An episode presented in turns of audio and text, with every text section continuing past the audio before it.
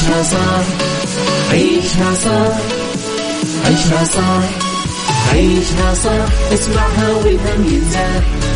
أحلى مواضيع خلي يعيش ترتاح عيشها صح من عشرة لوحدة يا صاح بجمال وذوق تتلاقى كل الأرواح. فاشل واتيكيت يلا نعيشها صح بيوتي وديكور يلا نعيشها صح عيشها صح عيشها صح على Mix FM. يلا نعيشها صح الآن عيشها صح على Mix FM. Mix FM هي كلها في ال mix. هي كلها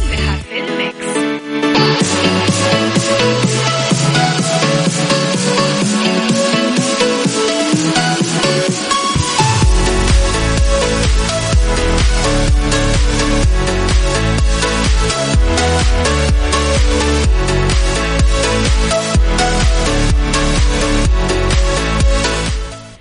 يا صباح الخير صباح الورد صباح الجمال صباح السعادة صباح التوفيق صباح المحبة صباح الفلاح وصباح كل شيء حلو عليكم. تحياتي لكم وين ما كنتم صباحكم خير. من وين ما كنتم تسمعوني ارحب فيكم من وراء ال mic وال control. أنا أميرة العباس. بيوم جديد صباح جديد حلقة جديدة ومواضيع جديدة. في ساعتنا الأولى دائما نتكلم على أخبار طريفة وغريبة من حول العالم جديد الفن والفنانين آخر القرارات اللي صدرت ساعتنا الثانية قضية رأي عام وضيوف مختصين وساعتنا الثالثة صحة جمال ديكور اتيكيت fashion Mix hacks دراج track star of the week psychology وغيره من الفقرات والمواضيع الحلوة. على تردداتنا في كل مناطق المملكة تسمعونا على رابط البث المباشر وعلى تطبيق Mix FM آه، راديو. أكيد إحنا دايما موجودين. تقدرون آه، كمان ترسلوا لي رسائلكم الحلوة وتصبحون وتمسون علي على صفر خمسة أربعة ثمانية, ثمانية واحد, واحد سبعة صفر صفر على at Mix FM Radio تويتر سناب شات إنستغرام فيسبوك. جديدنا كواليسنا تغطياتنا وآخر أخبار الإذاعة والمذيعين. إذا إيش راح نسمع؟ نسمع نسمع ال number 1 محمد رمضان. يلا. خلينا نصبح على الناس الحلوة الرهيبة. يسعد صباحك أبو عبد الملك. بكل الخير يا رب. صباح السعادة وال mood العالي عليكم من دكتور غيث. يسعد صباحك يا دكتور. آه خلينا مستمعينا يلا صبحوا علي وقولوا لي كيف صباحكم اليوم. قولوا لي على صفر خمسة أربعة ثمانية, ثمانية واحد, واحد سبعة صفر صفر. أنا صحيت متأخر بس تداركت كل شيء. وسويت قهوتي وروقت وضبطت أموري. ودائما أنا عندي سياسة إنه ما أعتمد على يعني مثلا ما أنام بالليل وأقول يلا لما أصحى الصباح بسويه قبل ما أروح. مثلا إذا عندي فطور أسويه بالليل خلاص أخذ فطوري وأطلع الصباح. إذا عندي شيء في السيارة مثلا إني أعبي بنزين ولا أسويه في الليل. فدائما لما أصحى الصبح ما أحتاج وقت طويل جدا عشان أتجهز. فايش ما كان ظرفي سواء صحيت بدري صحيت متأخر دائما إن شاء الله الحق يعني وقتي. لخبرنا الأول قولوا لي أنتم كيف صباحكم. لخبرنا الأول يعتزم جناح الأسلحة بمعرض الصقور والصيد السعودي الدولي لاستقبال زواره بنسخة جديدة تحمل مفاجآت وتسهيلات أكبر وأسعار منافسة وأسلحة نادرة وفريدة من نوعها. يفتح معرض الصقور والصيد السعودي الدولي أبوابه للزوار في مقر نادي الصقور السعودي. بملهم شمال مدينة الرياض يوم الخميس المقبل حتى 3 سبتمبر المقبل. آه، يقام بالتزامن مع المزاد الدولي لمزارع إنتاج الصقور متضمن تسهيلات يمنحها المعرض لمشتري الأسلحة المتمثلة في إنشاء مركز صحي جوا جناح الأسلحة. آه، طلب الأسلحة من الموقع الإلكتروني للنادي بعد استيفاء الشروط الأهلية للشراء.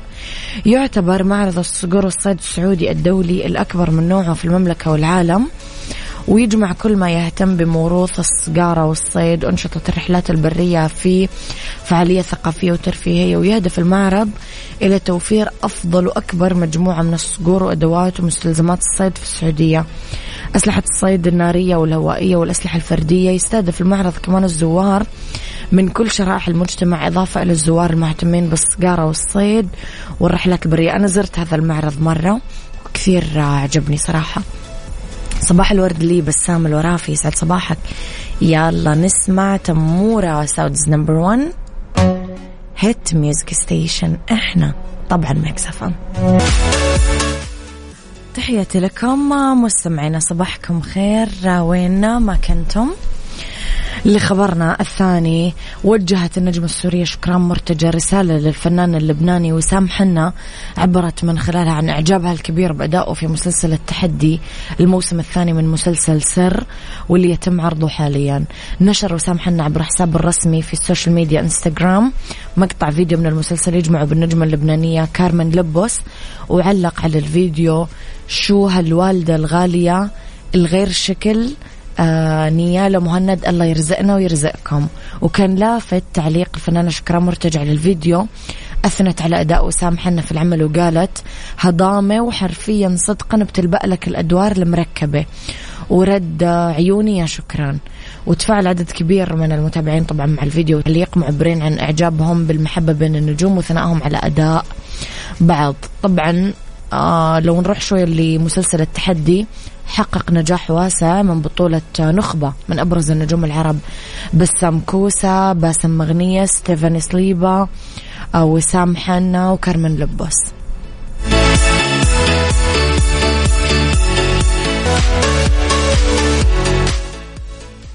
تختبر منصة تويتر في الوقت الحالي ميزة جديدة وهي عداد قراءات للتغريدات. اكتشفت الميزة الجديدة الباحثة في التطبيقات جين مانشن اللي كتبت في حسابها بتويتر أنه موقع التغريدات يعمل على إظهار عدد مشاهدات التغريدات وأضافت أنه مو أكيد إذا كانت الميزة مرئية للمؤلف فقط ولا للجميع. أشارت جين أنه تويتر يختبر ميزة جديدة أخرى أنك تحط أرقام أو علامة على أرقام الهاتف اللي تم التحقق منها للمستخدمين وراح يتم وضع العلامة بصرف النظر. عما إذا كان الحساب موثق بالعلامة الزرقاء واللي يتم منحها للحسابات الموثقة وتهدف الميزة الأخيرة إلى جلب المزيد من الأصالة والمصداقية. عيشها صح عيشها صح عيشها صح عيشها صح عيشها عيشها صح عيشها صح. اسمعها والهم ينزاح أحلى مواضيع خلي يعيش ترتاح عيشها صح من عشرة لوحدة يا صاح. بجمال وذوق تتلاقى كل الأرواح. فاشل واتيكيت يلا نعيشها صح. beauty وديكور يلا نعيشها صح. عيشها صح. عيشها صح. على Mix FM. يلا نعيشها صح. الآن عيشها صح على Mix FM. Mix FM هي كلها في ال mix. هي كلها في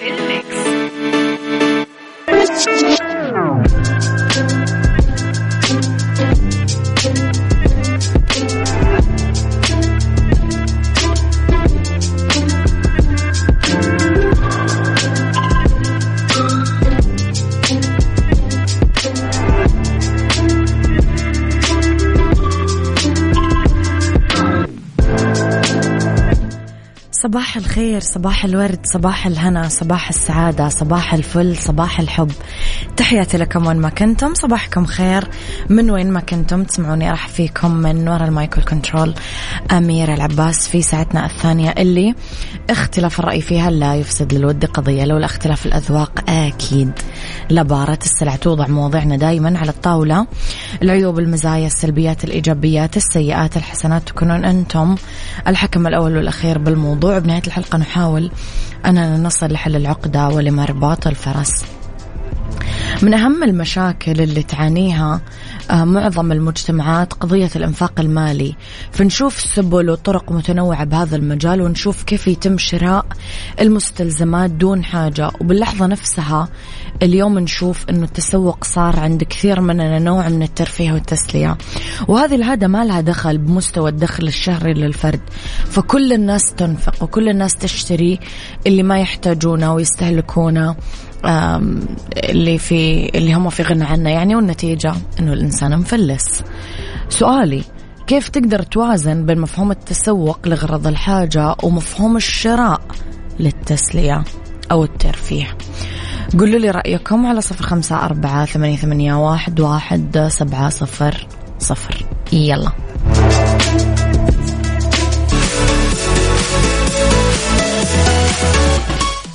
صباحكم خير مستمعينا. ممكن يتفاجأ البعض لما يعرف أنه البنوك تتفنن أنها تشجع هذا السلوك الاستهلاكي من خلال برامج تمويلات مالية لها أرباح تصرف بطاقات مخصصة للتسوق والتبضع ويعمل المستهلك تسديد شهري على شكل أقساط من أرباح مو قليلة للأسف. واللي يحدث تحديدا أنه المستهلك يصرف من راتبه الشهري مباشرة ويصرف من البطاقة الائتمانية دين مؤجل مع الفائدة وقبل نهاية الشهر يصير رصيده المصرفي صفر. وطول الوقت قاعد يسحب يسحب يسحب من البطاقة. وبنهاية المطاف تزداد ديونة وتصير عبء شهري ثقيل يستقطع جزء لا بأس فيه من راتبه. قضية الإنفاق المالي من القضايا المحورية اللي تحتاج مزيد من التوعية والتنبيه وزيادة معرفة المجتمع بخطورة الفوضى المالية على مستقبل الفرد. والأسرة. المشكلة أنه كل هذه الالتزامات المالية تصير أكثر قسوة تأثر على نفسيتك وعلى صحتك. وإذا معنا النظر فكثير مننا يتوجهون نحو الوقوع بهذه الشبكة بمحض إرادتهم وموافقتهم. النصيحة الذهبية حاول لا تضعف قدام سيل الإعلانات لا تستسلم للاستهلاك لا تحمل نفسك هم الليل والنهار لمجرد مظهر أصلا ما يعكس واقعك الحقيقي. الأمريكان عندهم واحدة من الرسائل الأمريكان عندهم عادة حلوة window shopping بيشوف الحاجة اللي تعجبه وقت ما هو بيتمشى ويحوم حوالينها إلى ما يعرف أنه صار عليها تخفيض ويشتريها. شخصيا سياستي في التسوق نفس الشيء لكن إذا شفت sale في المكان المفضل عندي ولقيت اللي أحتاجه أشتري وأنا مغمض. تصدق أبو عبد الملك أنا مؤخرا صرت أعمل كذا. يعني صرت ما أشتري الحاجة على طول كنت أول أشتريها غالية رخيصة أشتريها بس الحين صرت لا. أحب أعمل تسوق ذكي وأحس إني ذكية إني أخذت نفس القطعة بس بسعر أقل من كل الناس اللي غيري.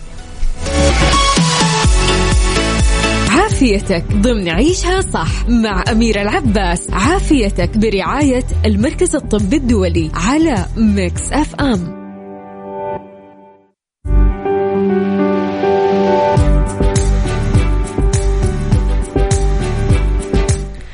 يسعد مساكم مستمعينا ويا أهلا وسهلا فيكم امسي عليكم من وراء المايك كنترول في أولى ساعات المساء وآخر ساعات عيشها صح أكيد. راح يكونون معنا دايما المركز الطبي الدولي. كل ضيف عندنا أكيد فقرة طبية وضيف مختلف. اسمحوا لي أرحب بضيفي اليوم الدكتور بدر بن حمد استشاري طب آه، الأسرة في المركز الطبي الدولي. يسعد مساك دكتور. أهلا وسهلا بكم وأهلا بالمستمعين الكرام. أتمنى إن شاء الله تكون لقاء لطيف إن شاء الله ومثمر ومفيد آه، للجميع وللمستمعين جميعا بإذن الله. عز وجل. بإذن الله. دكتور مؤخرا صرنا يمكن كثير نسمع موضوع طب الأسرة وصار في آه، تركيز زيادة عليه يمكن من بين التخصصات. فلو حضرتك تعرفنا إيش يعني تخصص طب الأسرة؟ طيب جميل. آه كبداية طب الأسرة هو تخصص زيه زي أي تخصص ثاني زي نعم. الباطنة زي الجراحة زي الأطفال. آه الطبيب بعد البكالوريوس بعد سنة الامتياز بياخذ طبعا ثلاثة إلى أربع سنوات في الزمالة. كانت سابقا أربع سنوات الآن نتكلم على ثلاث سنوات بعدها بيكون مؤهل لأن يمارس طب الأسرة. يعني إيش طب أسرة؟ هو طبيب يقدم الخدمة الصحية الشاملة والمستمرة وهذا حنعرفه إن شاء الله في المحاور الجاية بإذن الله. أسئلتنا القادمة إيش أهم المميزات دكتور اللي يتمتع فيها دكتور الأسرة وطبيب الأسرة؟ جميل جدا. طبيب الأسرة هو طبعا أول حاجة الوصول إليه سهل جدا سواء كان بيشتغل في مراكز صحية أو كان بيشتغل الآن في مستشفيات. فالوصول لطبيب الأسرة سهل جدا مواعيده قريبة بشكل كبير جدا.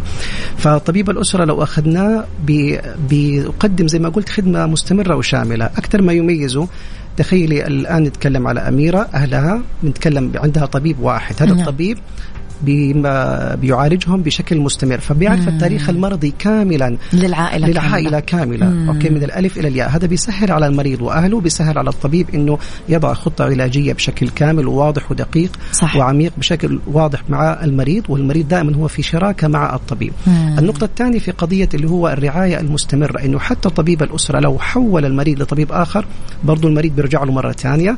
فبالتالي الطبيب الأسرة يكون ملم بجميع ما يخص صحة المريض سواء في حال الصحة أو في حال المرض يعني حتى لو في أشياء وقائية. بما يعني يحتاج المريض على حسب عمره وجنسه فبالتالي طبيب الأسرة يكون واعي بها وعارفها ودائما على تواصل بالعائلة وبالمريض بشكل جيد. هذا على جانب اللي هو قضية اللي هي الخدمة الطبية المستمرة. مم. ننتقل إلى الخدمة الطبية الشاملة. نعم. نتكلم بها بشكل بسيط. شاملة هذا هو أحد الأشياء اللي بتميز طب الأسرة حقيقة وطبيب الأسرة إنه هو بيهتم بجميع الأعمار من عمر شهرين إلى ما شاء الله. وبعد كده هو بيشوف طبعا الذكر والأنثى بيتعامل مع جميع ما أقول يعالج وإنما يتعامل مع جميع المشاكل الصحية.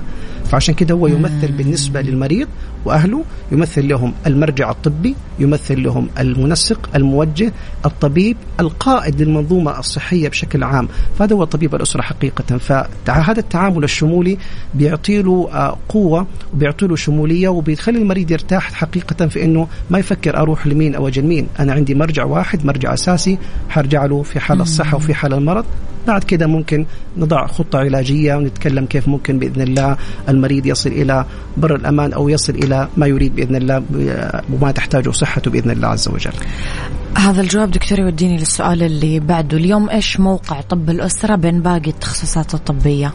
جميل سؤال مرة مهم حقيقة. يعني في ظل الشمولية اللي ذكرتها في ظل أنك تخيلي آه، طبيب واحد ممكن يتعامل مع عدة أمراض ولما نقول يتعامل يعني بمعنى أنه ممكن يعالج في نعم. بعض الأحيان يحول ونسبة التحويل لا تتعدى 10 ل 15% آه بيتعامل آه مع كل جوانب الصحة ليس فقط الجسد الجسد والعقل والروح لدرجة حتى ندخل في بعض الأمور الأخرى يعني نتكلم على الجانب حتى النفسي الجانب مم. العاطفي الجانب البيئي عقلي الاجتماعي كل هذه الأمور نحن نؤمن في طب الأسرة لها علاقة بصحة الإنسان بشكل صحيح. كبير من خمس سنوات كان طب الأسرة موجود وجيد وحتى من قبل ذلك الخمس سنوات الحالي نتكلم على من بعد 2015 تقريبا أنا أرى من وجهة نظري بحكم عملي في القطاع العام والآن في القطاع الخاص خاص. أعتقد إنه آه، أصبح له مكانة كبيرة وهذه المكانة حكم عليها أو آه، خلينا نقول قرر فيها اللي هو الناس. الناس هو اللي قرر إنه بالفعل صار الناس بشكل كبير المريض أو الإنسان الصحيح مم. بيثق في إنه يذهب لطبيب الأسرة. أنا أعتقد في وجهة نظري المكانه الآن قوية جدا لطب الأسرة والاحتياج كبير في ظل آه احتياج الناس. وفي نفس الوقت آه في ظل توجه وزارة الصحة والدولة بشكل عام أنه الرعاية الصحية الأولية متمثلة في طب الأسرة يجب أن يكون هي الباب الأول ل أو خلينا نقول البوابه الأولى للصحة للمجتمع للفرد والمجتمع بشكل كبير. فأعتقد الخمس سنوات القادمة حتكون خمس سنوات قوية جدا وخمس سنوات حتكون فيها طب الأسرة حيكون هو المدخل الأساسي لكل آه، لصحة الفرد والمجتمع بإذن الله عز وجل. رح نتكلم أكيد دكتور بشكل أدق عن طب الأسرة وباقي أسئلتنا رح تكون إن شاء الله بعد أذان الظهر. أنا وياك طالعين بريك واللي يحب يسأل أي سؤال آه، لضيفنا اليوم دكتور بدر بن حمد يكتب لي سؤاله على صفر خمسة أربعة ثمانية, ثمانية واحد, واحد سبعة صفر صفر.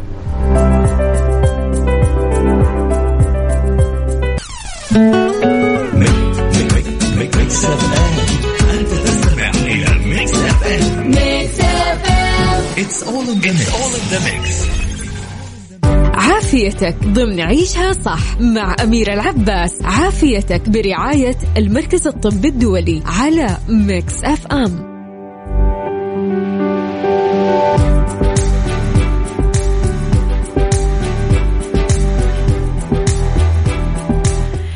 تحياتي لكم مستمعينا تحياتي مجددا لضيفي دكتور بدر بن حمد استشاري آه، طب الأسرة في المركز الطبي الدولي. آه، آه، دكتور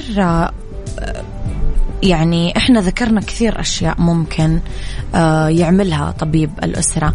بس حضرتك عرفنا بشكل أدق إيش المهمات اللي أصلا آه يقوم فيها طبيب الأسرة ومتى نلجأ له؟ متى أنا أقدر أروح لطبيب الأسرة؟ جميل جدا. حبدأ آه من الجزء الثاني من السؤال. طبيب الأسرة ممكن تروحي له في حال الصحة وفي حال المرض. يعني لا سمح الله حصل لك أي عارض صحي مباشرة ما تفكري هو مرجعك الأول. نعم. هو المنسق هو الموجه هو الطبيب المرجع الأول اللي ترجعي له مباشرة. مم. والأفضل دائما يكون عندك طبيب محدد يعني صح ممكن تروح لأي طبيب أسرة حيتعامل معك بنفس التعامل لكن فكرة طب الأسرة إنه طبيب واحد بيكون مسؤول عن مجموعة من. من العوائل. ومجموعه من المرضى فخلاص هذا هو طبيبك اللي دائما ترجعي له وعارف تاريخك من الألف للياء فهذه ال- ال- النقطة الأولى في إنه ال- ال- العلاقة بين الطبيب ومريضه بتكون جيدة والمعرفة بالحالة الصحية بتكون جدا جيدة فهذه في حال المرض في حال الصحة أنت ما عندك ولا حاجة نعم. لكن آه عندك بعض الاستفسارات الطبية حابة عندي خطة حمل مثلا بالضبط. عندي أحد في العيلة عندي- تماما تماما آه، أنت وصلتي لسن معين حابة تطمن على نفسك سمعتي. معلومات طبية قرأتي معلومات معينة. آه، سمعتي عن في تطعيمات جديدة مم. حابة تعرفي المعلومه من مصدرها ومن مصدر موثوق فطبيب الأسرة هو المصدر الموثوق بالنسبة لك نجي للأشياء اللي ذكرتيها طبيب الأسرة بيسوي أكثر من 12 إلى 13 حاجة في العيادة في نفس الزيارة أوه. فأنا المريض بيجيني دائما أحب أضرب هذا المثل عشان أسهل وأقرب الصورة آه، تخيل مريضة جاتني عمرها خلينا نقول 50 سنة عندها مم. سكر عندها ضغط أوكي لكن هي جاية اليوم عندها آه، شوية زكمة بسيطة مم. طبيب الأسرة ما يعالج الزكمة ويخلي المريضه تمشي ابدا. مم. اعالج لها الزكمة واطمن عليها ونعطيها العلاج المناسب. بعد كده أطمن في نفس الزيارة على السكر على الكوليسترول أطمن على الضغط اللي هي مشاكل الصحية المزمنة عندها. بعد ذلك أنتقل أشوف هي الآن سيدة في عمر الخمسين. إيش في أشياء وقائية تحميها بإذن الله. عز وجل سواء نتكلم على الأشياء الوقائية من الدرجة الأولى زي التطعيمات من الدرجة الثانية زي المسحه الطبي يعني نكتشف لا سمح الله بعض الأمراض مثلاً ماموجرام أو أو فحص الهشاشه أو غيره مم. آه هي عندها سكر آه نبغى نسوي بعض الأشياء اللي هي تحميها من مشاكل السكر مثلا اللي هي أكثر من سنة ما راجعت طبيب العيون عشان تكشف على الشبكية المريض قد ينسى هذه الأشياء صح. فطبيب الأسرة بيلم له كل هذه الأمور فهذا الجانب الثاني فأنا أعالج المريض للامور الحادة أو للمشاكل الصحية الحادة انتبه وأتابع المشاكل الصحية المزمنة. اراجع مع المريض الأمور الوقائية المهمة على حسب عمره وعلى حسب حالته الصحية وعوامل الخطورة اللي عنده. ونعمل حاجة ظريفة حقيقة إن نعزز الصحة. يعني إيش تعزيز الصحة؟ إني أخلي المريض يهتم بصحته أكثر وهو يكون مسؤول. واثقفه عن حالته الصحية بشكل كامل وإيش ما يحت... إيش الأشياء اللي يحتاجها. ثم إيش الأشياء اللي ممكن لو غير نمط حياته فيها ممكن صحته تكون أفضل بإذن الله عز وجل. وآخر نقطة حقيقة بنعملها بحاجة نسميها change health seeking behavior.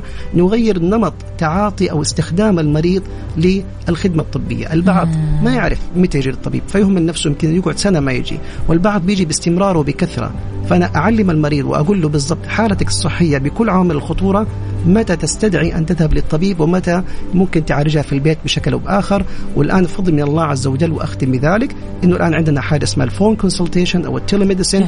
بالتليفون يقدر يتواصل مع طبيب الأسرة، الآن عندنا ال application جديد بإذن الله. يكون التواصل كمان أسهل مع طبيب الأسرة بال application chatting أو exactly تماما. فالتواصل هذا هو الهدف الأساسي. سهولة الوصول للخدمة الطبية من خلال طبيب الأسرة وهو الذي يوجه بشكل كبير. فإحنا بنتكلم تكلمنا يمكن قبل الهواء على قضية الخصوصيه فالمريض بي بيتكلم مع الطبيب بأريحية كاملة. زي ما تكلمنا سابقا أنا ما أهتم فقط بالجانب الجسدي وإنما بالجانب الجسدي والعقلي والنفسي والروحي والعاطفي. حتى ندخل إلى الجانب البيئي وكل ما يؤثر في صحة المريض وفي صحة أهله بشكل أو بآخر. آه كمان بنتكلم على إنه تخيل المريض معظم مرضانا ما بيجونا بمشكلة صحية واحدة قد بيجي باكثر من مشكلة صحية. دائما أقول عشان نعرف قيمة طب الأسرة بشكل كبير نعتبر إنه ما في طبيب أسرة. الأربعة خمسة مشاكل اللي جاب بها المريض. لو قلنا المريض يحتاج إنه يروح خمسة يعالجها دكاترة. تماما. يحتاج تقريبا أربع إلى خمسة مواضيع موا- مواعيد مع أربع إلى خمسة تخصصات مختلفة. فتخيلي الوقت والجهد والمال والتعب اللي المريض بي- بيحصل له بشكل كبير. للأسف كثير والله. طبيب واحد بي بي يعني حقيقة بيتعامل ما أقول يعالج لكن يتعامل مع معظم هذه المشاكل الصحية. بعضها يعالجها بعضها يعمل لها بعض التحاليل ويتابعها ويحول البعض. وجدوا يعني بنسبة التحويل في بعض الدول وحتى أعتقد في عندنا نتكلم حتى في المركز يعني لا تتجاوز 10 ل 15% وبرضو أنا عارف مريضي راح لمين؟ وحيرجع لي بعد كده فعندي تصور كامل عن مريضي. حقيقة هذا شيء يريح المريض. يعني أنت كمريضة ترتاحي بشكل كبير. طبيبك جداً. عندك طبيب عارف عنك كل صغيرة وكبيرة. عني وعن عائلتي حتى. جميل. أه، دكتور قديش مهم إنه يكون لكل عائلة طبيب أسرة؟ أنا حتى يمكن حضرتك في نقطة ما ذكرتها أحس كمان خصوصية. إضافة لحضرتك ذكرت أنه تقليل مال تقليل جهد تقليل تعب تقليل مشورة. كمان حفاظ شوي على الخصوصية بدل ما أنا أروح ست سبع عيادات كلهم تعرفوا على مشاكل الصحية كلهم كشفوا علي كلهم أعطوني حاجات مختلفة يكون عندي دكتور واحد خلاص أنا قافلة ملفي. ومرتاحة مع مراجعة واحدة. فقديش مهم يكون للعائلة دكتور أه واحد؟ حقيقة هو مهم لأنه أكثر واحد حيراجع ملفك الصحي بشكل عميق طبيب الأسرة مم. يعني حيطلع على كل ما يخص حالتك الصحية في كل التخصصات. خلينا نقول مريض جاني آه عنده اولموست ملفه مفتوح له خمسة ستة سنين عدى على عشرات آه الأطباء. طبيب الأسرة يجب أنه هو على الأقل في الزيارة الأولى أنه يشوف جميع الملف الطبي من الألف للياء يراجع جميع الأدوية. ما يقول هذا الدواء ما هو في ما له علاقة فيه أو ما هو في تخصصي لا. فأنا نحن ما لنا تخصص معين. فأنا راجع أدويته الخاصة بالجهاز الهضمي أدويته الخاصة بالقلب وما إلى ذلك. فيراجع جميع الأدوية يراجع جميع التحاليل بيراجع جميع حتى الفحوصات الطبية عشان يكون عنده تصور كامل عن المريض.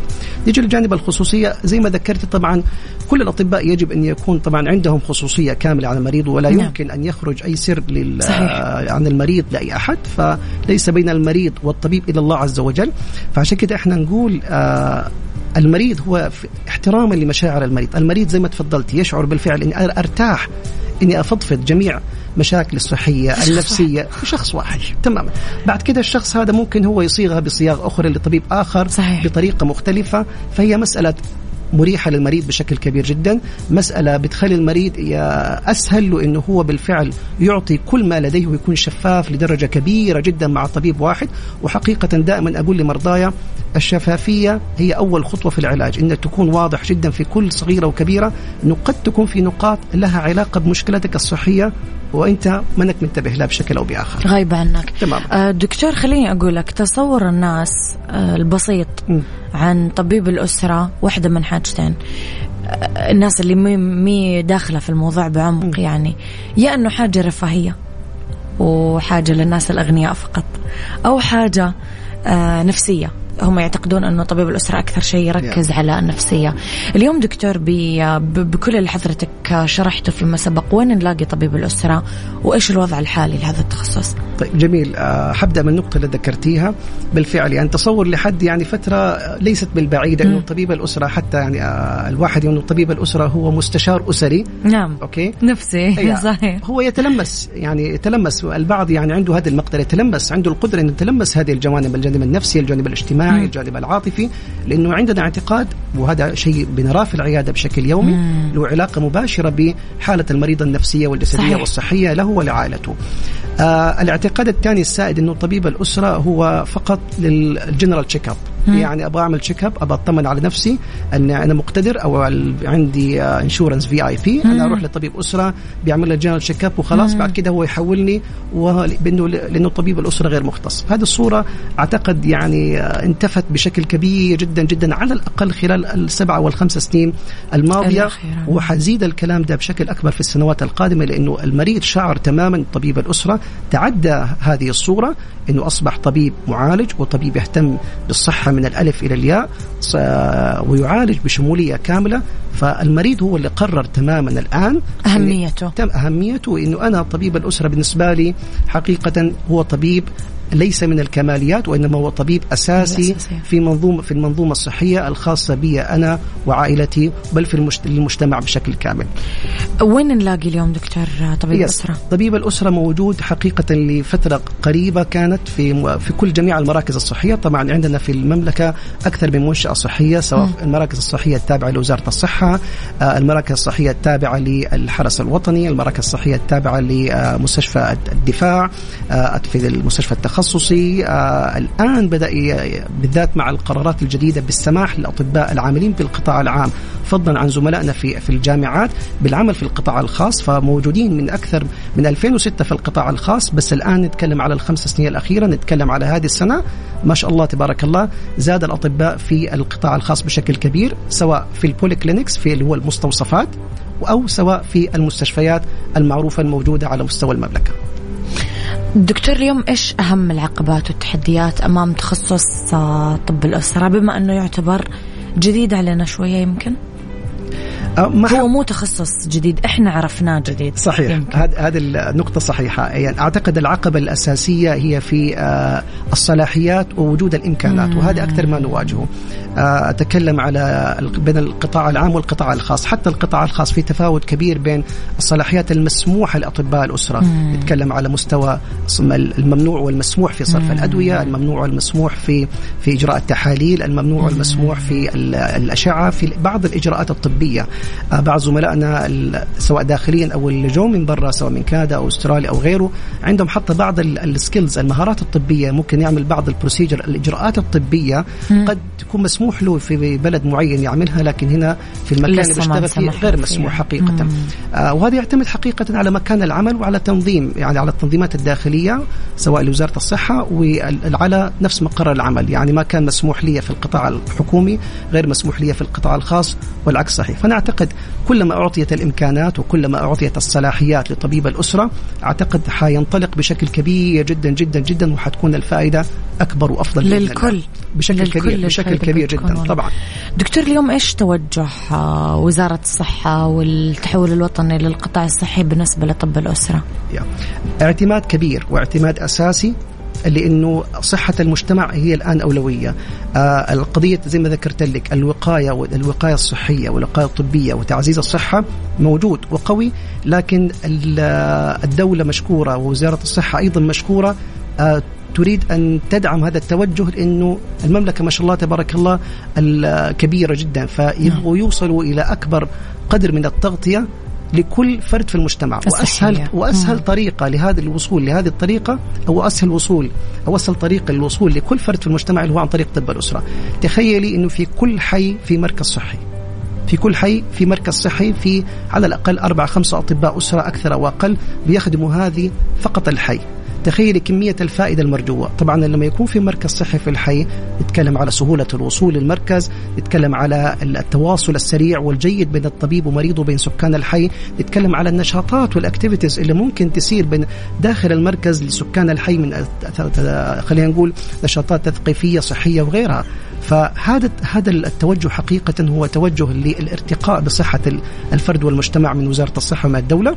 وأنا أعتقد توجه جدا مهم وتوجه جدا كبير. ويدعم حقيقة آه، فتح مراكز تدريبية كبيرة زيادة عدد المدربين في مرابج طب الأسرة إلا أنا أذكر من عشر سنوات كأعداد كمقارنة بالبرامج الصحية المعتمدة الآن والمراكز التدريبية المعتمدة فرق كبير ما شاء الله تبارك الله فضلا عن عدد أعداد الخريجين وجودة الخريجين حقيقة أعتقد يعني الخمس سنين القادمة يعني سنين مبشرة وكلها تفاؤل بإذن. الله إيش اليوم تتوقع حضرتك دكتور بشأن تخصص طب الأسرة في المستقبل؟ زي ما حضرتك ذكرت. يعني, يعني نطمح أنه يكون آه عند كل عائله دكتور؟ طبيب, طبيب أسرة, أسرة. لكل أسرة. هذا هو التوجه الحقيقي. يعني يا ريت. طبيب أسرة لكل أسرة. بمعنى وهذا توجه وزارة الصحة الآن مم. بإذن الله آه آه كان سيطبق هذه السنة. لكن أعتقد تم تأجيله للسنة القادمة اللي هي برنامج الرعاية الصحية الأولية. مم. حتى الناس اللي عندهم تأمين لو ما عندهم تأمين خلاص عندك البوابة الأولى أو المدخل الرئيسي لأي منظومة طب صحية يجب أن يكون الأسرة. من خلال طب الأسرة. الهدف مو الهدف توفير مال فقط أو توفير جهد بقدر ما أنه بالفعل يكون في طبيب زي ما شرحنا يكون عارف عنك كل حاجة ويحط لك خطة علاجية وخطة وقائية شاملة وكاملة تخصك بشكل كبير جدا. فأنا أعتقد أنه التصور موجود التطبيق آه، في مراحله الأولى وبدأ بشكل أو بآخر. آه، القطاع الحكومي آه، والقطاع الخاص أعتقد على أتم الجاهزية للبدء بإذن الله عز وجل في هذا المشروع والأيام القادمة إن شاء الله يعني كلها تفاؤل بإذن الله عز وجل في هذا المشروع. يا رب حتى دكتور أحيانا مشكلة. إحنا نكون صارت لنا ما نعرف إيش سببها. إذني توجعني مثلا أو أنا دايخ. ما أعرف. أضطر أروح لأربع خمس دكاترة. فأحسن لي أروح دايركتلي لدكتوري وراح يقول لي خلاص روحي هنا على طول. لهذا الطبيب الفلاني. تماما زي ما ذكرتي فيصير مشوارين بدل 20 مشوار يعني. وكمان ممكن أسهل عليك المشوار مو شرط تجيني. أرفع السماعة وخذي موعد بالتليفون وكلمي دكتورك وانت في البيت واشرحي له القضية. لو الموضوع بسيط وواضح حيقول لك من بدري يوجهك لفين أو لا. والله الصورة غير واضحة. احتاج أشوفك. يقول لك لو تكرمتي تعالي خليني أشوفك. قد نحتاج نعمل بعض الفحوصات أو نحتاج نعمل بعض الفحص السريري حتى نحدد فين المشكلة بالضبط. فالموضوع صار سهل جدا. كمان في ظل يعني الآن بقى في بعض التطبيقات الصحية موجودة الآن. آه، ممكن تشوفي طبيبك عن طريق اللي هو الفيديو. ترسل رسالة ترسل صورة. فالوضع صار أسهل بشكل كبير. يعني عما كان في السابق. من سنتين أو ثلاث سنين فاتت صح سؤالي الأخير دكتور كيف قام تخصص طب الأسرة بدوره خلال جائحة كورونا طيب. كان له دور دور كبير نعم. يعني آه ما أتكلم عن المركز الطبي الدولي فقط وأتكلم على الأطباء الأسرة وزملائي للأمانة في جميع التخصصات يعني آه على مستوى المملكة حقيقة يعني كان دور كبير كبير جدا وكانوا هم خط الدفاع الأول صحيح. أطباء الأسرة نحن بيجينا المريض أول الناس يعني بالذات المريض بيجي بالأعراض الزكام بأعراض الانفلونزا في الغالب. فاول أو أول مدخل أول عيادة بيزورها في الغالب هو طب الأسرة سواء في مركز صحي أو سواء في مستشفى. فإحنا بنكون طبعا الخط الأول اللي بنشوف الحالة بمساعدة طبعا ومساندة زملائنا في التخصصات الأخرى. فكان له دور كبير. على مدى السنتين اللي فاتت وهذه السنة إحنا طبعا كان في معظم المستشفيات الحكومية والمستشفيات الخاصة في حاجة تسمى العيادة الحرارية الفيفر كلينيك. هذه العيادة كانت مخصصة لأي مريض عنده اشتباه. كان بالكورونا بالذات في السنة الأولى في 2020 كان مباشرة المريض بتوجه هذه العيادة حماية للمريض وحماية لغيره حتى ما يحصل اختلاط بالآخرين. طبيب الأسرة يجي من عيادته مباشرة لتقييم المريض في العيادة وبعد كده يعمل له بعض الفحوصات اللي هي المطلوبة اللي يحتاج اللي قد يحتاجها ويديله العلاج بشكل كامل. يحتاج المريض إلى تنويم يحتاج إلى أخذ رأي زملاء في تخصصات أخرى سواء في الأمراض المعدية والصدرية أو غيره. بنتواصل مع الطبيب بالتليفون أو بيجينا. فهو دائما طبيب الأسرة هو في خط خط الدفاع الأول كان في آه، جائحة كورونا سواء زملائنا اللي كانوا في المراكز الصحية أو في المستشفيات. دكتور يعطيك ألف عافية. نورت حلقتي اليوم الله يعافيك الله آه إحنا كمان نتمنى نعم. إنه تخصصكم آه، ينجح. أكثر من النجاح اللي هو قاعد ينجح ونامل فعلا أنه تطبق خطة وزارة الصحة أنه لكل أسرة آه، طبيب اسره في المرحلة القادمة. بإذن الله بإذن الله. يعطيك ألف عافية دكتور نورت حلقتنا اليوم. دكتور بدر بن حمد استشاري آه، طب الأسرة في المركز الطبي الدولي. الله يعافيك وشكرا على هذا اللقاء. شكرا جزيلا. مع السلامة.